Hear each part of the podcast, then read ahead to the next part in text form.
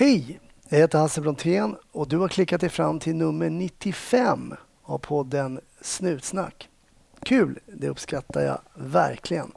Det här är ju podden där alla berättelser kommer direkt från personerna som var där på plats. Händelser av olika karaktär, stora som små. Men det som egentligen är gemensamt för alla de här är ju att man förstår att de ligger kvar i gästernas minnesbank. Polisyrket är speciellt. Oavsett var man jobbar så kommer man få uppleva saker som man kanske helst hade velat slippa. Tragiska olyckor eller hemska saker som människor gör mot andra människor. Det är ganska sällan som folk ringer till polisen och säger hej, kan ni komma för vi har så himla roligt. Men poliser har ju kul också på jobbet och upplever också positiva saker för polisyrket är spännande och utmanande på många olika sätt. Och därför är det intressant att ha gäster i den här podden där vi får höra varför man valde det här yrket. Och ibland ställer jag också frågan om det blev som man hade tänkt sig. Dagens gäst heter Eva och jag ställde nog aldrig den här frågan om det blev som hon hade tänkt sig. Men jag är lite tveksam till att det blev det. Poliser håller alltid varandra om ryggen. Och om en polis skulle bli anmäld för något så händer aldrig någonting eftersom poliser utreder poliser. Är det här sant? Nej, det är det inte. Och du kommer också att veta efter att ha lyssnat på det avsnittet som gästas av Eva. Om du gillar podden så dela gärna. Dela på Facebook, dela på Instagram eller sätt upp någonting på anslagstavlan i din lokala matbutik. Jag blir så glad varje gång någon delar eller sprider. Var lyssnar du någonstans? Var lyssnar du på Snutsnack? Lägg upp en bild på Insta och visa var du befinner dig när du har podden i öronen. Glöm inte att hashtagga Snutsnack. Vi finns också på Facebook. Kom gärna till Snutsnacks sida där för att läsa lite annat smått och gott. Fast nu tycker jag vi drar igång dagens avsnitt. Håll till godo, var försiktiga där ute och ha en riktigt trevlig lyssning. 1310 570 kom.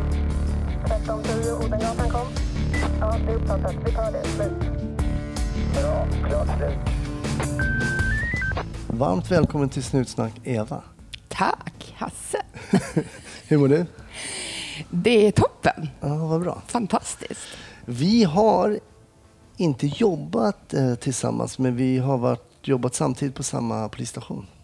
Vi har jobbat tillsammans, Hasse, När du var aspirant. På gatulangningsgruppen. Just det, precis. Och du gillade mig stenhårt. har du sagt det i alla fall? Ja, det är om inte annat är det väl ett tecken att du sitter här utan Ja. att jag gillade dig. Ja, men det är intressant för att eh, vi har också en gemensam eh, kontaktpunkt som jag tror att vi kommer prata om eh, lite senare. Eh, men varför blev det polisyrket för dig? Jag vet att du inte jobbar som polis idag. Men eh, en dag så gick du ju på stadens gator och tänkte polis, det är någonting för mig.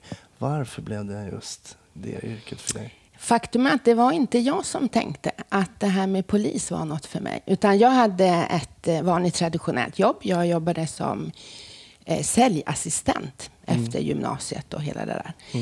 Eh, och sen eh, trivdes jag inte där. Eh, och jag satt och åt lunch med en kollega. Och hon sa, men du, polis? Ska inte bli polis? Och jag kommer så väl ihåg, jag stirrade på henne. Va? Jag trodde du gillade mig liksom. Varför vill du att jag ska bli polis? Eller varför tycker du att jag ska bli polis? Och så nämnde hon några egenskaper som hon tyckte att jag hade då. då. Och så satt där och grodde lite och så tänkte jag, men det är ändå tester. Så är det så att jag inte passar som polis, då lär det ju komma fram. Det. Men eh, det visade sig att jag passade som polis. Så då, eh, då blev det så. Så du skickade in ansökningar? Ja. Och, Ja, utifrån det samtalet. Och tänkte jag, ja, ja, det får väl bli som det blir. Liksom. Så jag är inte en av dem, det är kanske är därför jag inte jobbar som polis längre, heller, eh, som har drömt om det yrket. Nej. Men jag tyckte att det var ett fantastiskt, och det tycker jag fortfarande, det är ett fantastiskt yrke. Eh, där man är, får använda alla delar av sig själv. Så Mm. jag tycker att det är ett... Ja, det är, det är häftigt. Mm. Verkligen. Även om jag inte jobbar med det idag. Nej, precis. Nej, men jag håller med. Jag jobbar inte heller med det idag, men jag ångrar absolut inte de åren jag Nej. hade som polis. Och jag har lärt mig väldigt mycket. Dels om, Mm. om världen eller Sverige, och, men mycket om mig själv också.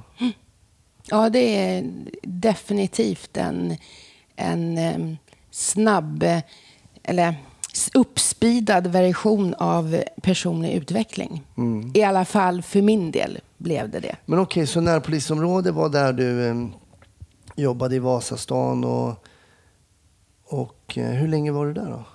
Jag var där hela min karriär. Ja, så från hela min karriär, det låter som jättelångt. Men det vart inte så långt. Från 95 till 2002 Mm. när, jag, när jag slutade. Då. Och jag vet då, jag bad ju dig eh, precis som alla gäster liksom. Ja, men, tänk på en händelse under din Mm. tid som polis som har stuckit ut. Och jag ska inte på något sätt tvinga dig, men jag tycker att den här händelsen är väldigt intressant. Och jag, som sagt så har vi kontaktytor där. Och jag skulle faktiskt vilja be dig berätta om den här händelsen som hände på Norrmalmspolisen. Vilket år är det här? Det är egentligen två händelser. Mm. Och jag vet inte ens om du vet om den första. Men ehm, det har egentligen inte bara definierat mig som polis eller i det, den rollen, utan det har definierat mig som människa väldigt, väldigt mycket. Ehm, Jag eh, var aspirant och eh, jobbade på Norrmalm. Och det var en kille som, eh, en polis som, som misshandlar en intagen. Hur, i, I vilket skede var det här? Vad befann, vad, hade du något du hade fått höra eller någonting du såg? Eller Nej, vad? nej, nej, det är någonting jag såg. Jag stod bredvid när huvudet dunkades på, mot eh, polisbilen, polisbussen. Okej. Och den här killen är 17 år, får jag veta sen. Och vi griper honom. Han sitter där med värsta bulan. Och eh, jag, eh, mitt befäl, jag kände så här, jag vill inte höra den här killen. Alltså för- Förhöra, precis. Jag vill inte förhöra den här killen. Men min chef pekade med hela handen, tittade mig i ögonen och sa, Kalaj, du ska förhöra den här killen. Hur kom, var befann du dig när du såg det här? Liksom? Var det utanför polis? Utanför. Vi letade efter en kille.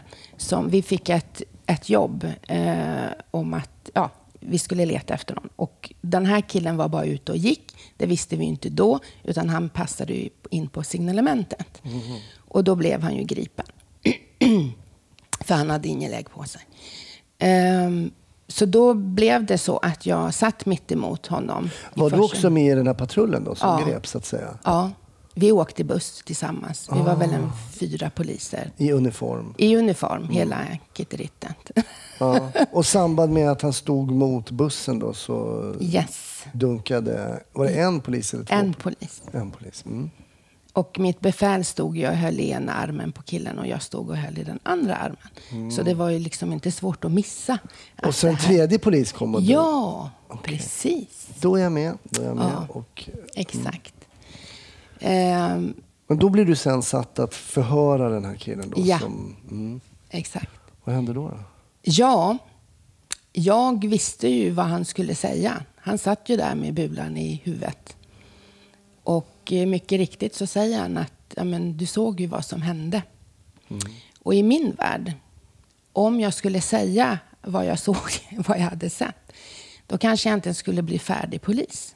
Var jag fick det ifrån, det vet jag inte. Men det var vad jag tänkte. Alltså du tänkte att om jag skulle anmäla min kollega Mm. för det jag hade sett, då kanske inte jag blir färdig polis för jag kommer få dåliga vitsord Exakt. eller något sånt? Ja. Eller? Ja. Helt riktigt. Så det var tankarna som for. Men du var inne på att det här var fel, jag vill anmäla men jag kommer inte kunna göra det för då... Ja. Och dessutom var det så här att när jag sitter där med honom så mycket riktigt så säger han, du såg ju vad som hände. Och jag säger, tittar rakt honom i ögonen och säger, nej, jag gjorde inte det. Okej.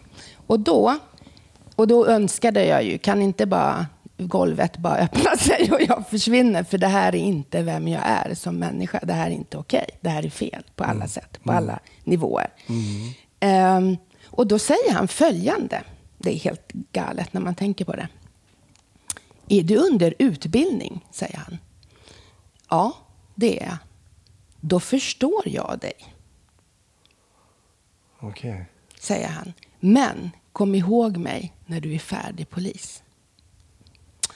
Sen pratar vi inte så mycket mer om det där, utan jag förhörde honom varför han gick där han gick och så vidare. och så vidare och så Var vidare. han den personen du sökte eller? Nej, det var han inte. Han var bara ute och gick och råkade stämma in på signalementet. Okej. Så han hade inte gjort något fel överhuvudtaget. okej. Så en en 17-åring säger det han säger. Ehm, det är lite intressant för att jag har sökt upp honom långt senare Jaha. med hjälp av ehm, eh, Maria Knutsson, eh, psykolog på Polishögskolan. Så jag eh, har bett om ursäkt för det där. Okej. Okej. Och eh, i min värld så skulle han ju komma ihåg den här lilla meningen han säger. Kom ihåg mig när du är färdig polis. Han hade ingen aning om att han hade sagt det. Och för mig, resten av min karriär, för, bär jag med mig den meningen. Okej. Och det är det också som gör att jag, när jag då är färdig polis, det går inte mer än en vecka tror jag, så kommer nästa händelse. Vad är det för händelse då? Norrmalms hiss. Eh, och, Ska vi förtydliga för lyssnarna bara? För det var ju väldigt speciellt på Norrmalmspolisen då som på- låg på Östra Järnvägsgatan i Stockholm. Att när folk var gripna eller omhändertagna så körde man då in där. Det var en återvändsgata och för er som vet var Arlanda Express ligger. När ni går från Arlanda Express så har spåren på höger sida och bebyggelsen då Vasagatan och det till vänster. Så kan ni kika in det, ett garage. Det var garaget ner till gamla Norrmalmspolisen.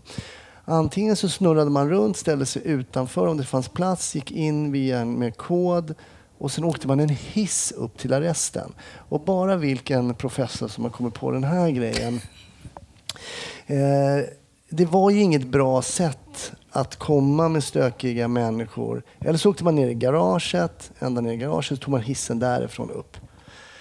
Eh, och den här hissen blev ju ytterligare ett ställe. Det var liksom kod in, dörr, eh, vänta på hissen, stök, hissen går upp, folk kommer ut, in, passerar eh, och sen upp till arresten. Och den här hissen var ju ganska känd, eller ökänd kan man säga, för vad som då hände i den här hissen. Eh, jag var inte med så mycket eh, grejer i den här hissen som, som ehm, kanske behöver beskrivas i liksom polishistorieböckerna. Men du är med om en grej här i alla fall. ja, en grej, Ja. faktiskt. Det hände inte mer grejer i den där hissen. Inte för mig i alla fall. Nej, det precis. hände en. Och den räckte ju. Just det, precis. Men nu, jag tänker bara så lyssnarna vet Ja. hur, varför man kommer in i en En hiss. hiss, ja, Liksom. jag fattar. Men ehm, ja, vi återgår till din historia. Då. Du är i, på något sätt i närheten av den här hissen. Förlåt. Exakt, och i hissen. Och det är inte bara jag, utan jag tror att det är sju poliser som är där. Och vi har då tagit över en kille som har misshandlat en annan, men själv har fått stryk. Så vi hämtade honom på sjukhuset där han har ett sår i pannan, ett ganska stort sår i pannan. Och han vill inte bli sydd, så då sprayar de det här såret helt enkelt för att det inte ska rinna, kort och gott. Men han är ju gripen och så tar vi över gripandet och ska bara transportera honom till arresten, helt enkelt. Och eh, vi var ganska många i polisbussen. Eh, och han hinner också säga att han hade hepatit B och ja, allt möjligt. Men i alla fall, vi står i hissen och från ingenstans det är, vi, det är ju ganska fullt i den för den var ju inte stor. Jag vet inte Nej. vad det kunde vara. Två meter gånger Tre kanske. Ja, någonting sånt. Och då kommer ytterligare en kollega in som inte har med saken att göra, som har inte varit med och gripit eller någonting sånt. Utan han kommer in i hissen, jag och en ytterligare kvinnlig kollega som står och håller killen. Eh, han var bojad också dessutom och så håller vi varsin arm då. Och den sista kollegan som kommer in då börjar... Jag kommer inte ihåg exakt vad han sa. Han säger någonting, men det jag kommer ihåg att han tar bakhuvudet, alltså håret, bakhuvudet, håret i bakhuvudet och så dunkar han huvudet i hissväggen. Den misstänkte då? Den misstänkte. Varpå det här liksom såret då, det bara skvätter blod. och min ena kollega, hon har ju kortärmat och liksom så. Så hon sätter upp en arm också dessutom mot väggen. Så att nästa dunket som kommer, då träffar det liksom hennes arm på. Alltså pannan då? Pannan, ja exakt. Pannan mot väggen. Och där, alltså, ja. Eh, och det där är ju inte okej. Han gjorde inget motstånd. Vi, vi var tillräckligt många poliser som skulle klarat av det. Eh, han är bojad, han kan inte försvara sig. Men hel, det, är inte, det är ju så långt ifrån man kan komma Så vad som är okej. ett liknande case då Mm. som du hade när du var aspirant med den här 17-åringen. Så är det nästan, ni står inte vid en buss men ni, ni, det är liknande, Mm. någon dunkar någons huvud då. I, Och det jag inte riktigt sa där, det är såklart blev jag ju kallad till internutredningar i första caset det. också. Där, jag, där jag fick sitta och ljuga helt enkelt och säga att jag inte hade sett något. Vilket gjorde att den 17-åringen ha- hade ju inte fått någon upprättelse. För det vart ju avskrivet, för det fanns ju inga vittnen. hade han fått enkelt. någon förtroende för polisen? Förstärkt, Vad förstärkt- tror du själv? Förstärkt förtroende. Nej, Nej, och det var lite det som jag också var intresserad av. Att en sån händelse, vad, vad gör det med en person? Vad, vad, hur tar man en sån grej? Liksom att, man, att man faktiskt blir misshandlad och sen får man inte upprättelse. Men han, i det, eftersom jag nu har träffat honom senare så Ja, han tyckte inte att det var bra, såklart inte. Men det, det hade inte påverkat honom nämnvärt. Så han, han var en vanlig arbetare liksom, som, som eh, ja, det hade gått bra för honom helt enkelt. Så, men åter till, eh, jag var ju då, en, vid en sån händelse så blir det, för mig blev det bara, nej men alltså nej, lägg av. Det här går ju bara inte. Och jag vet ju vad jag kände för att det var så väldigt, väldigt starkt för mig. När jag var färdig med det förhöret med den här 17-åringen så tog jag fram min bricka. Jag var inne på toaletten. Det vet ju du hur det såg ut här. Och verkligen, verkligen tittade på brickan och frågade, ska jag verkligen bli polis? Om det är så här vi håller på, ska jag verkligen bli polis? Vill jag bli polis? Och så tittade jag mig själv i ögonen och det här är så här dramatiskt. Nej, men det var verkligen så påtagligt att nej, alltså nu låter det. Det här onda ska inte vinna. Jag tror inte att det är så här. Jag tror inte att de flesta poliser är så här, utan jag tänker bli polis och jag kommer aldrig någonsin gå med på att det här sker igen. Så det var ett statement som jag gjorde i mig själv och bestämde där, jo, jag ska bli färdig polis. Så ja, så när jag då är färdig polis så händer det här ganska snabbt inpå. Eh, och då är, för mig är det inget, då, då, jag är så färdig som man kan bli i mitt beslut. Vad är det jag ska göra för någonting? Så då pratar jag ju med min chef, eller befälet då.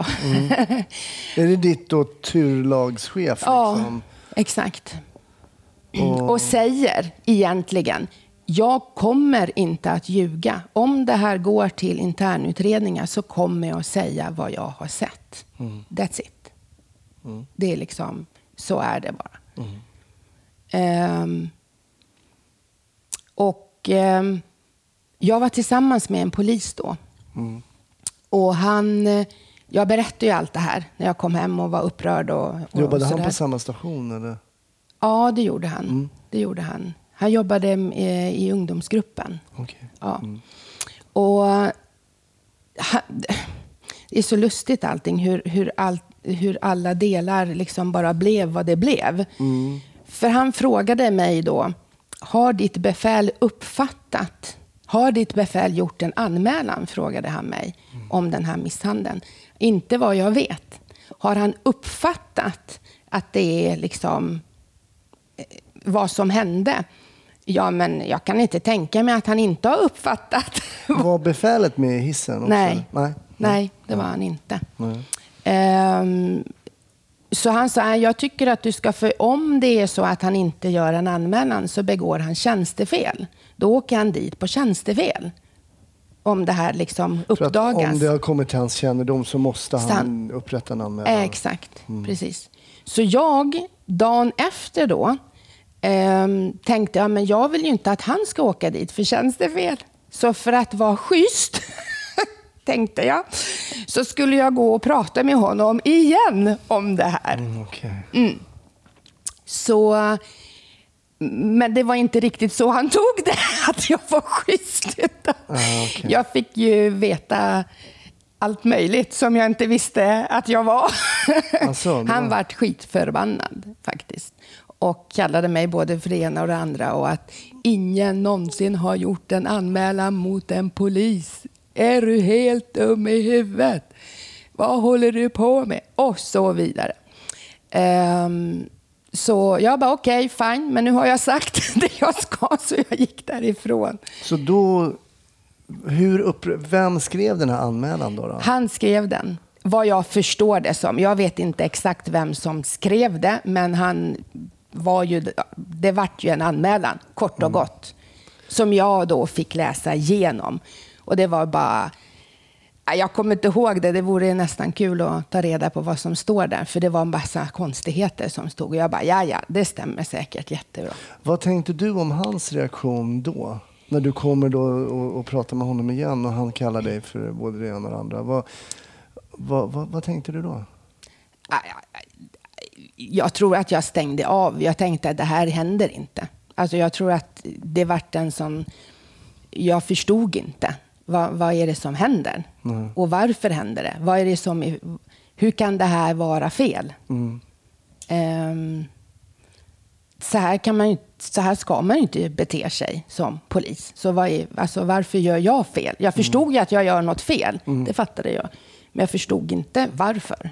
Vad, vad sa din kollega, hon som hade hållit upp armen så här? Hur, pratade hon och du också om det här eller? Vi pratade lite. Det hon, det hon sa, och det är hon, jag vet inte hur det hade gått om inte hon hade sagt egentligen samma sak som jag hade sagt. Så vi är egentligen två om att säga vad som händer i hissen, att det sker en misshandel. Men av någon anledning så hon, och det är jag väldigt tacksam för, för två behöver ju inte råka illa ut. Men det vart på något sätt att det var riktat mot mig då, att det är jag som har gjort. Och folk visste ju inte riktigt heller vad hon skulle säga eller inte säga. Men jag vet ju, och vi bestämde att hon och jag skulle inte prata om händelsen, för att vi, vi hade vår liksom, syn på det och när det skulle upp i rättegång, för det fattade vi att den skulle, så skulle inte vi vara färgade av varandras historier. Så vi pratade inte så mycket om det där, ärligt talat. Utan det, hon, hon har sagt sitt och jag sa mitt i, i tingsrätten. Nu är den stora färgfesten i full gång hos Nordsjö Idé och Design. Du får 30% rabatt på all färg och olja från Nordsjö. Vad du än har på gång där hemma så hjälper vi dig att förverkliga ditt projekt. Välkommen in till din lokala butik.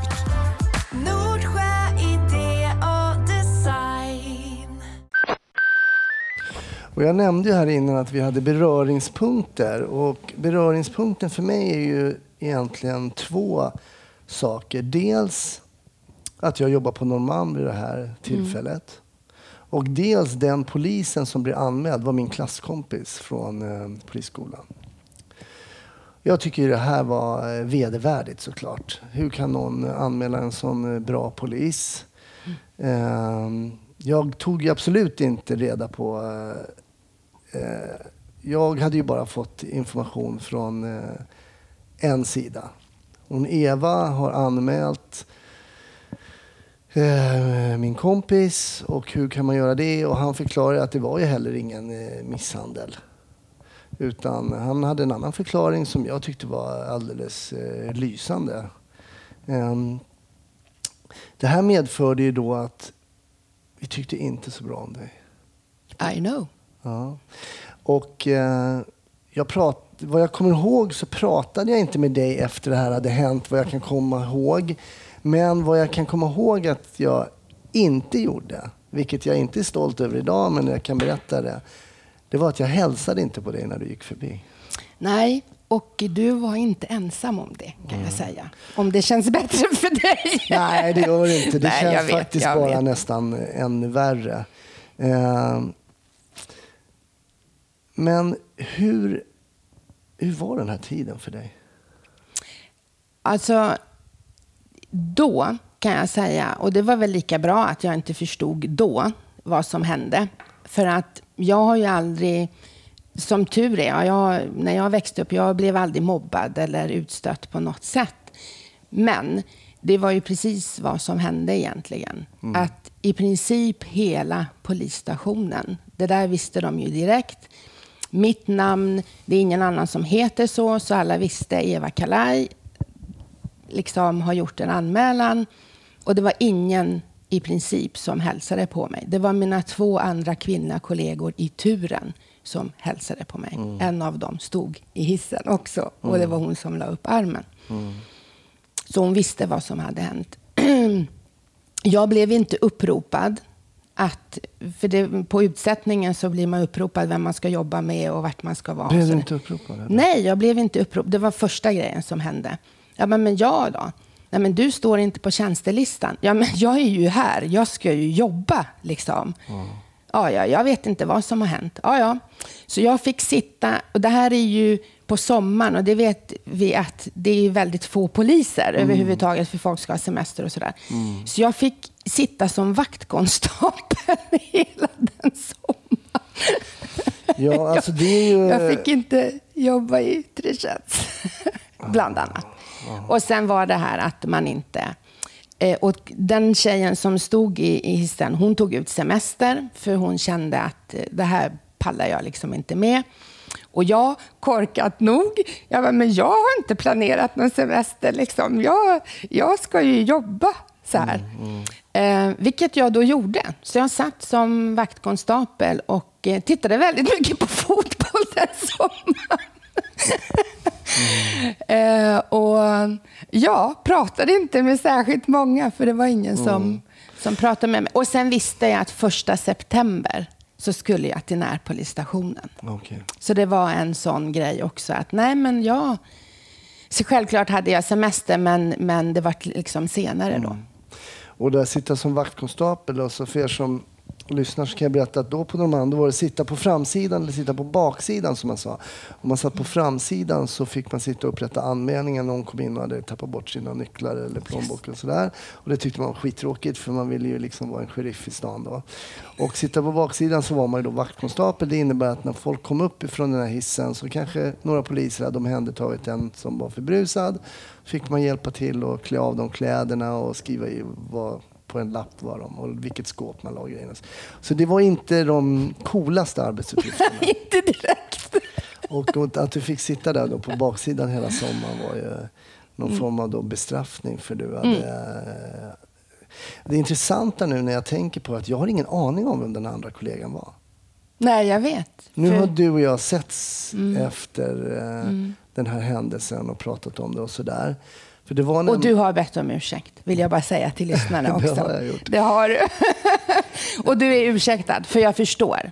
Jag förstår på ett, på ett helt annan nivå att jag förstår också. Men det är nedrigt och eh, jag har tänkt mycket på det här och jag, eh, jag gillar den killen som eh, sen, för vad händer sen? Eh, vi kanske ska berätta det. Mm. För det blir rättegång, det blir en förundersökning och du får gå upp till interna utredningar och som Mm. jag förstår då så sa du, berättade du det du nu har berättat? Vad Det du, jag har sett. Det jag Mm. sett. Och Ja. då, så leder det till åtal. Det har ganska lång tid däremellan också. Ja. Så vi båda jobbar ju. Eh, han jobbar ju också såklart och jag gör det också. Jag vet att jag fick, alltså det, ja, om man nu ska prata om det, men det var ju vad som hände.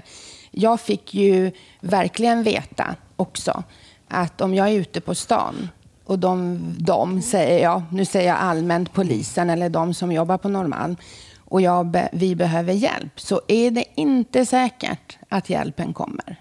Så det var inte, det var inte färdigt med att jag flyttade till, till Vasastan, utan det där, det där pågick ganska länge. Att, ehm, ja, jag kände, jag kände att nej, jag är inte vattenvärd i princip. Hur jag är- pratade ni om det då på närpolisområde Vasastan? Då? Som tur är hade jag en fantastisk chef. Om man nu ska säga inte... Han var väldigt annorlunda. Jag skulle vilja säga att han var en ledare. Han var inte en chef. För mig är det skillnad. Eh, en ledare tillstår att vissa saker kan han inte. Och han behöver, alltså man blir ett team på ett annat sätt. Och jag tycker att han var, hade förmågan att bilda ett team. Och de kollegor jag hade där var helt fantastiska. Alla var, alla var ju införstådd med vad som hade hänt och hur det såg ut och varför och varför inte och så. Så jag, hade jag inte haft den stöttningen, då hade jag inte kunnat jobba kvar. Det här var i början på min karriär och börja den på det sättet. Så sju år, det var fantastiskt. Alltså vi hade fantastiskt roligt, bra, utvecklande. Vi gjorde jättebra jobb i Vasastan tillsammans. Så det var det som gjorde att jag kände att jag kunde jobba kvar. Men den här polisen då som stod åtalad, träffade du honom ibland eh, på station? Det var så att ni kanske... Nej, det gjorde vi nog inte. Men känn, alltså jag, det var känslan hela tiden att åh, tänk om vi stöter på varandra. Alltså vad händer då? Hur blir det? Och det var ingen som tog tag i det. Det är så här efterkant så kan man tycka, men all, allvarligt.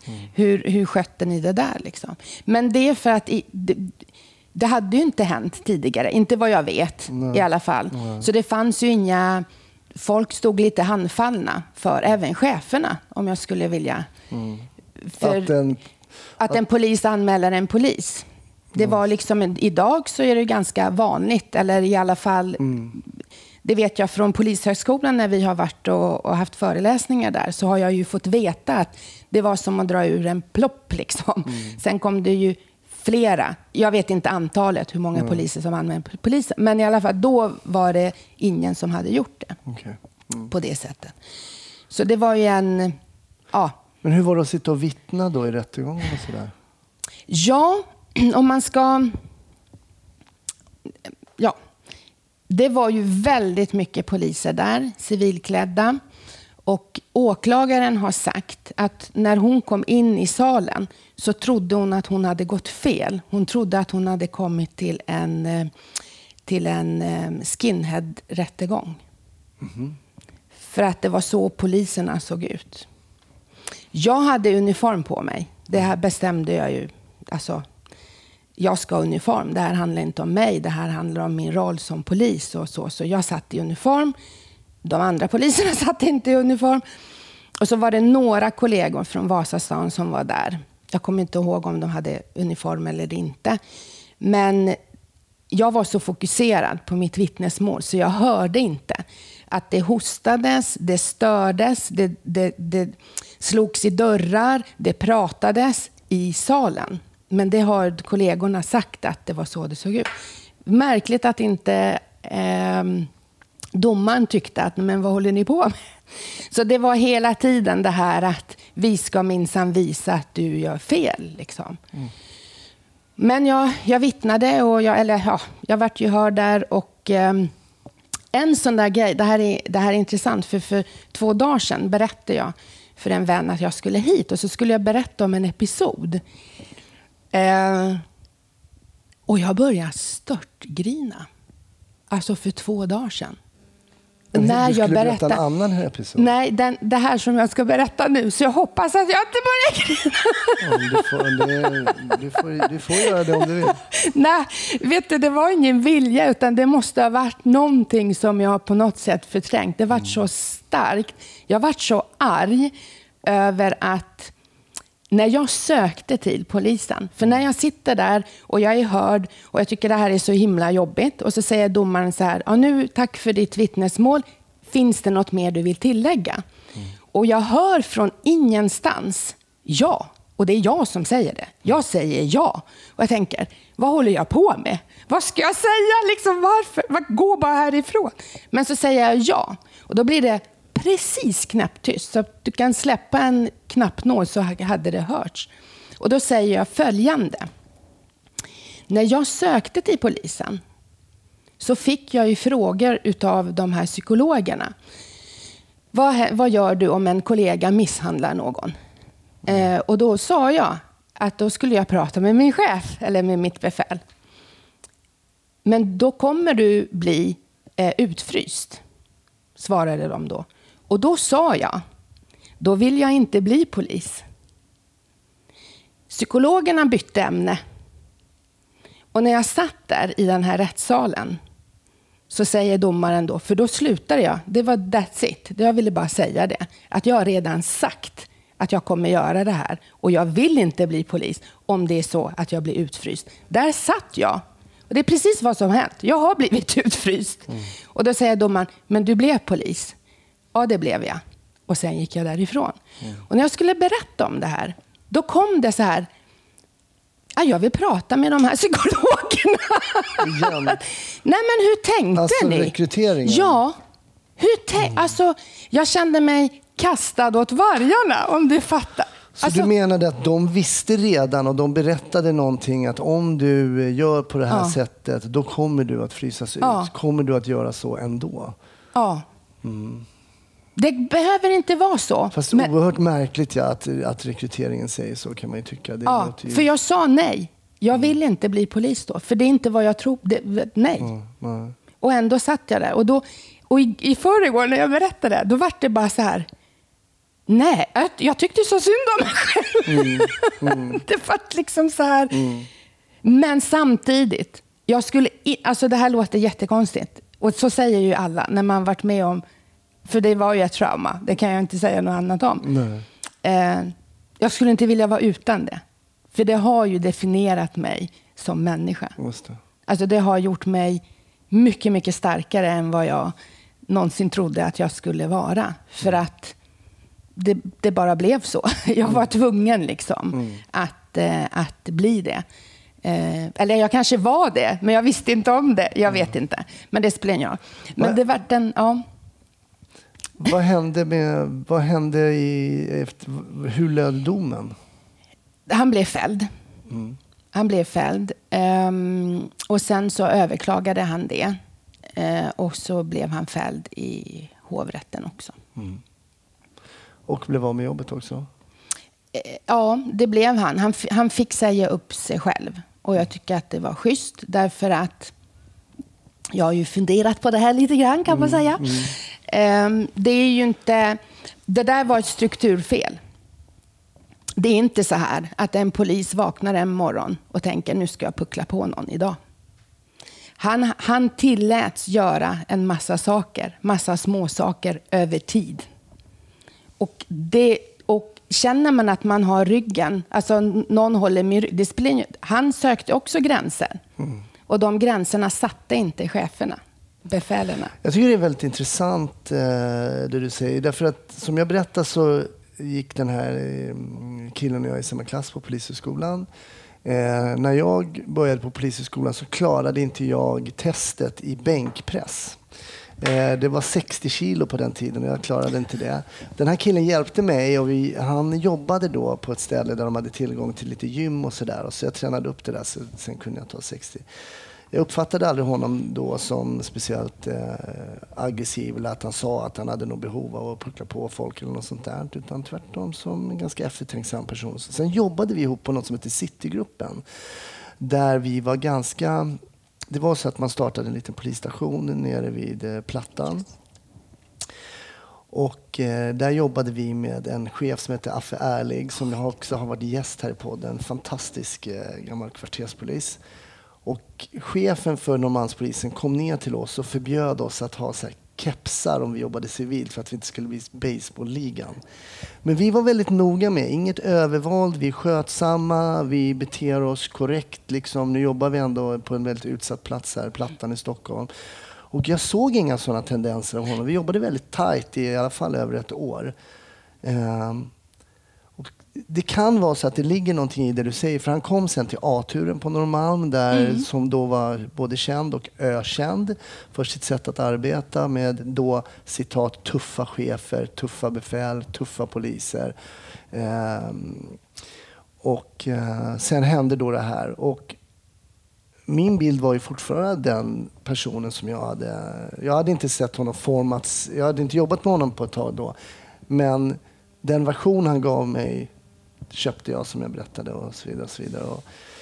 Men det kan ju vara en tanke eh, när man hamnar i en liknande situation att söka eh, det andra sidan på myntet så att säga och se om jag kan väga mina eh, mina versioner, eller de här två versionerna mot varandra se om jag hamnar någonstans mittemellan eller fortfarande har samma åsikt. Eh, för det var just du, och det är mitt minne också, att det var just du. Kan det vara för att du har ett ovanligt namn? Eller, jag, jag har ingen aning. Eller jag tror att också det som påverkade var att du var precis ny, kom ut precis ny. Jag och det vet. första hon gör Mm, är att hon liksom anmäler en kollega. Alltså det var mycket sånt som snurrade. Jag vet. Och tjej. Glöm och inte tjej, det. nej nej absolut. Glöm inte den Nej, grejen. nej. Faktiskt. Absolut. Det, jag hoppas att det inte är så idag. Men då var det, det var väldigt mycket två kolleg, eller två kvinnliga poliser. Då var det parfympiketen och hej och hå. Ja, det var så. Ja, ja, ja, ja. ja. Mm. Visst. På den tiden. Ja, men jag har pratat med... Det, det, vi har, pratat, jag har haft gäster, tjejer som var- började skolan innan dig, som inte upplevt det. En del som... Men det här var ju en väldigt, väldigt speciell situation som du hamnade i och med att den här anmälan upprättades mot den här eh, polisen. Efter det här då? Vad händer efter det här då? Eh, Det, är hovre, det överklagas till hovrätten. Eh, Han säger upp sig, gör någonting annat. Hur fortsätter det? Märkte du några svallvågor av det här efter det sen? Då hade det ju ändå gått en tid sådär, eller? Mm. F- faktiskt, en av hans ehm, bästa vänner då i alla fall, jag vet ju inte längre. Eh, jag fick ett telefonsamtal eh, och han sa vad han hette och, och jag blev bara... Jag vart bara stel för att jag visste ju att de var vänner. Eh, och det sa han ju också, jag är ju vän med. Eh, men jag vill bara säga att eh, det du gjorde var jävligt bra. Det var det. Hej då. och så la han på. Okej. Ja. Så e- efteråt ehm, så har det visat sig, och sen har jag ju stått och pratat med kollegor som visste att jag jobbade i Vasastan, men de visste inte att jag var jag. Ja, och säger att ah, men den där tjejen, ah, fan vad bra gjort och hon stod upp för rätt saker och hälsa henne, liksom, Mm. hälsa henne att det var bra gjort. Och då, ja men nu har du redan sagt det så jag Mm. behöver inte hälsa. Jaha, fan och fan, är det du liksom? Är det du? Ja. Så att jag har fått både och, Mm. kan man säga. Ehm, det som jag tyckte var jobbigast, det är massan där jag inte visste vad de tyckte. Jag hade mycket lättare att ta när jag visste att folk tyckte att det var fel. För det var, det var vad de tyckte och jag kunde relatera till det. Jag förstod att de tyckte det. Jag, jag förstår den saken. Liksom, För att på ett sätt så, så, eh, så lämnar jag ut polisen på det sättet när, när, när jag påtalar ett fel. Så, så jag förstår att man, att, man, att man tänker så och känner så. Men jag kunde bemöta det när jag visste. Då kunde vi ha en dialog. Då kunde vi förstå varandra på något sätt. Men hela den här massan som tittar på mig, där jag inte visste i princip, gillar du mig eller gillar du mig inte? just alltså den, den tyckte jag var jobbigast, utan Och sen tvekan. var det ju, för mig var det ju så... Du sa att jag gillade dig när vi jobbade på... Ja. Det, Och att det- jag det- gjorde ett bra jobb. Ja, och det stämmer nog. Men grejen var det att när jag inte hälsade på dig till exempel, det var ju inte egentligen, det var ju det du hade gjort då. Mm, du jag hade ju sabbat eh, livet för min, eh, eh, för min vän då. Ja. Och eh, det var väl så, eh, så jag kände då. Mm. Ja, väldigt speciellt. Vad, vi, vad som hände sen var ju det att vi, det här blev en föreläsning lite på Polishögskolan. Mm. Där både du och jag... I Kåranda. Ja, just det. Föreläsningen handlar Hette- om... ja, Kåranda. man pratar om etik. Och civilkurage. ja. Mm. Och jag har ju varit gäst i mitt eget program en gång där Martin Melin var liksom programledande i avsnitt 41. Och då var jag ute, jag var i en liknande situation som dig med 17-åringen. Mm. Där jag inte anmälde min kollega för ett övervåld som eh, hade definitivt gjort så att han hade förlorat jobbet.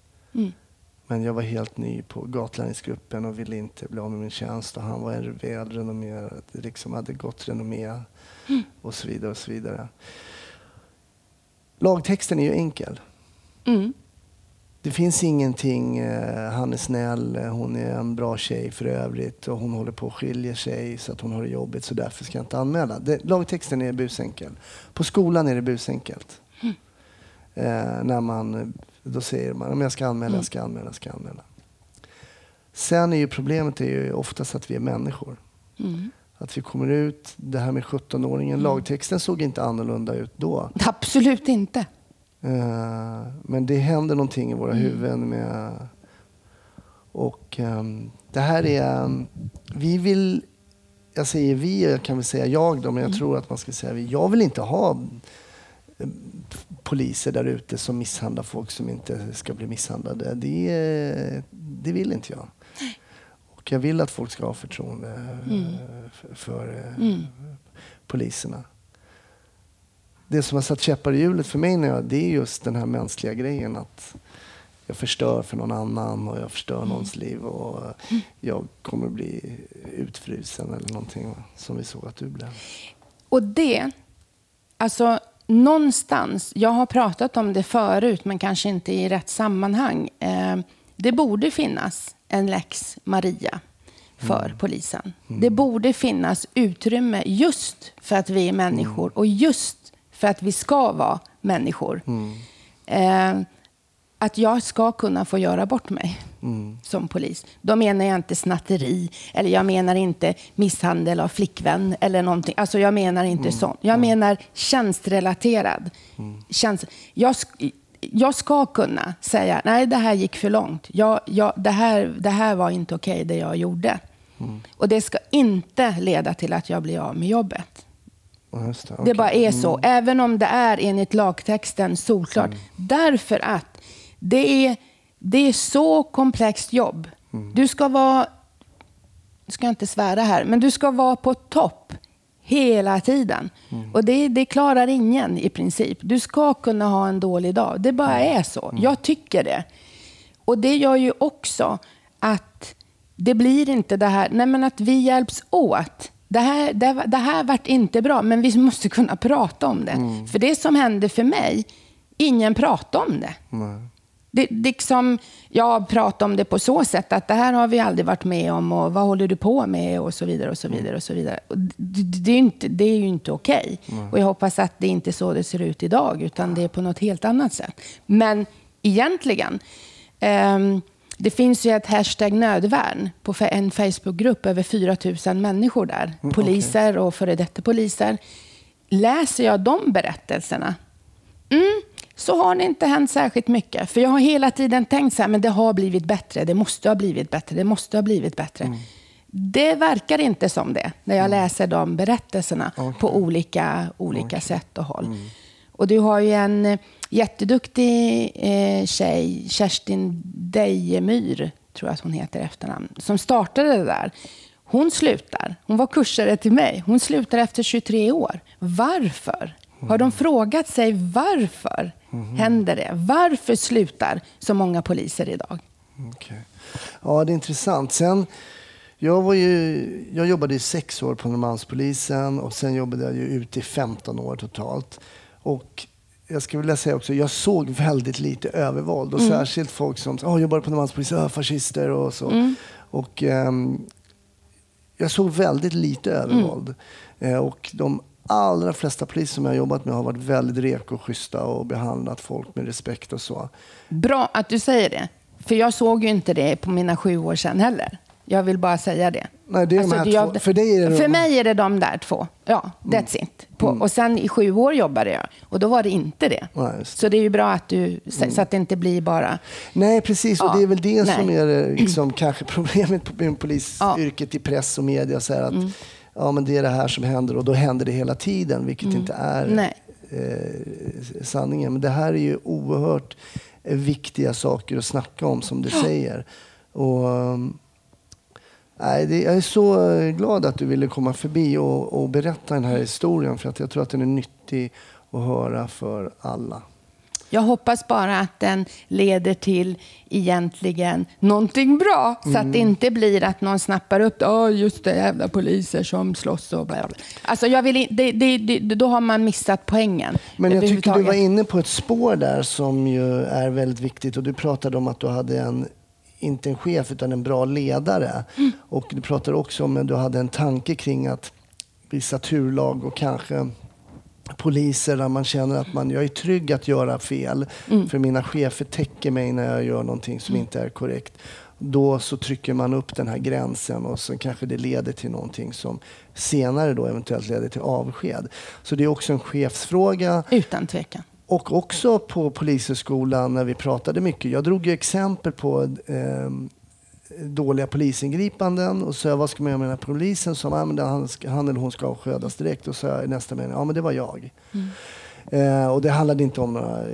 Men man har en liksom, men sen när man kommer ut och... Eh, det, det är inte enkelt, det är ett komplext arbete. Jag tänkte att vi skulle skifta från det här. Ja, men det, det är synnerligen liksom, eh, allvarligt när den som har monopol på att utöva makt, det, krä- det är ju ett väldigt ansvar att, att man inte bara får utan man är också skyldig att utöva våld eh, i vissa lägen. Så, så är det väldigt viktigt att det utförs korrekt och att vi övriga medborgare som inte jobbar som poliser får en känsla av också att det är korrekt. Korrekt. Mm. Japp. Bra sagt alltså. Ja, jag vet inte. Jag håller med dig. Nej, vad, vad bra, vad bra. Men avrundningen som ju inte blir lika allvarlig då som den här historien eh, är ju då. För det första kanske jag ska ta en snabb fråga. Varför slutade du som polis? Du var bara sju år. Mm. Alltså, det ledarskapet. Brist på ledarskap. Det var det som gjorde. Det var hur det såg ut strukturmässigt inom polisen. Eh, revirpinkeriet. Eh, du ska inte tro att du är något. Eh, och så vidare. Det var det, jag kände bara, nej, det här, är inte, det här är inte mitt ställe. Jag kan inte kriga själv mot det här. Eh, eh, så jag, jag, jag gör något annat helt enkelt. Jag ville utveckla mig själv och jag ville jobba med personlig utveckling. Och lönen. Glöm inte lön. nej, men det var också det. Att nej, men jag vill inte bli bitter och tänka att eh, mitt liv har gått och vad har jag gjort av det? Liksom. Utan jag, vill, jag, jag, har, jag har mål och drömmar och så. Och jag kände att nej, det, det platsade liksom inte, inte där. Men jag är oerhört glad och tacksam för de åren. Som, jag brukar säga att jag har gjort min samhällstjänst. Ja, sju år, det är bra. Så du ångrar inte att du lydde den här Nej. kollegans råd att söka till Polishögskolan? nej, det gör jag inte. Trots allt du fick gå igenom Trots det. allt. Ja, den har... Det som inte dödar härdar, heter det ju. Ja, precis. Ah, men hur är det då? Färgar du dina eh, tråkiga regniga dagar med att kolla på Beck?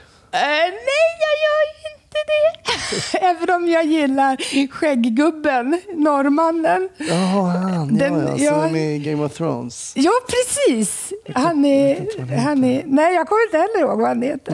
Eh, nej, jag är mer av en faktiskt mer läsare. Och jag har nördat in mig på personlig utveckling. Ja, det blev det efter, efter det där. Ja, jag förstår det. det och ledarskap och, och det som okej. jag Men har du för. någonting att rekommendera där? Det kanske finns fler som funderar på personlig utveckling som lyssnar på podden. Har du någonting att rekommendera där? Då? Alltså jag älskar ju Mia Törnblom. Okej. För mig är, är hon ehm, alla hennes böcker. Eh, nu har hon precis gjort ett, eh, ett eh, webbinar som man kan köpa i självledarskap. Och eh, min dröm, här får du en dröm Hasse. Faktiskt. Eh, jag skulle vilja jobba med polisen utifrån självledarskap. Jag skulle vilja jobba med, med grupper och med eh, polismän alltså, som ska utvecklas själv.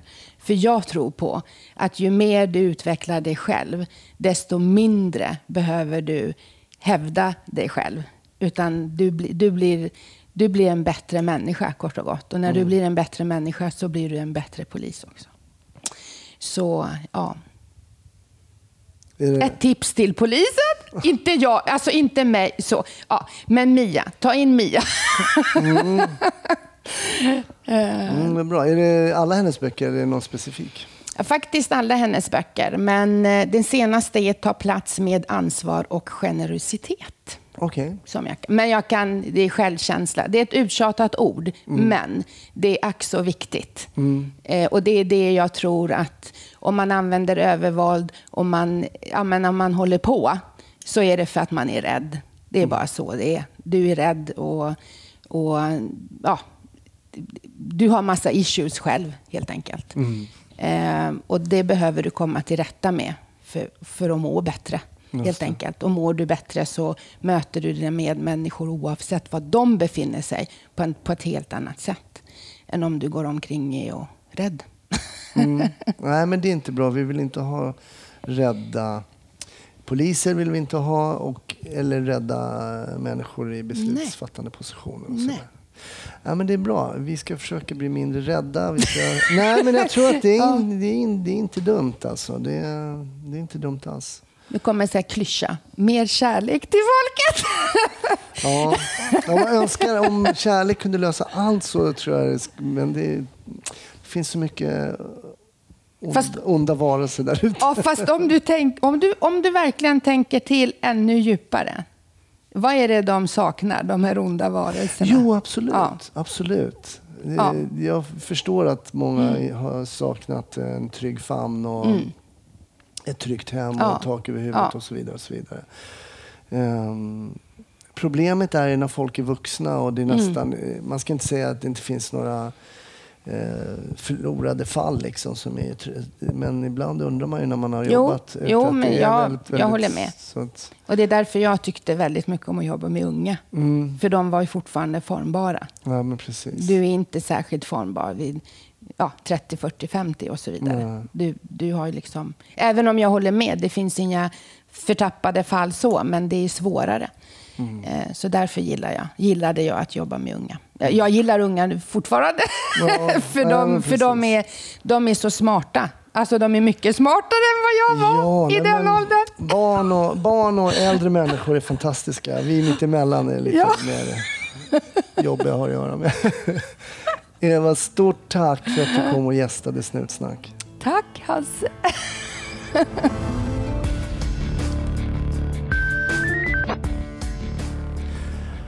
Stort tack. Det här var avsnitt 95 av Snutsnack. Smitt in på Facebook-sidan och ha bara en bra vecka. För nästa vecka kommer ett nytt avsnitt. Ha det fint. Hej då.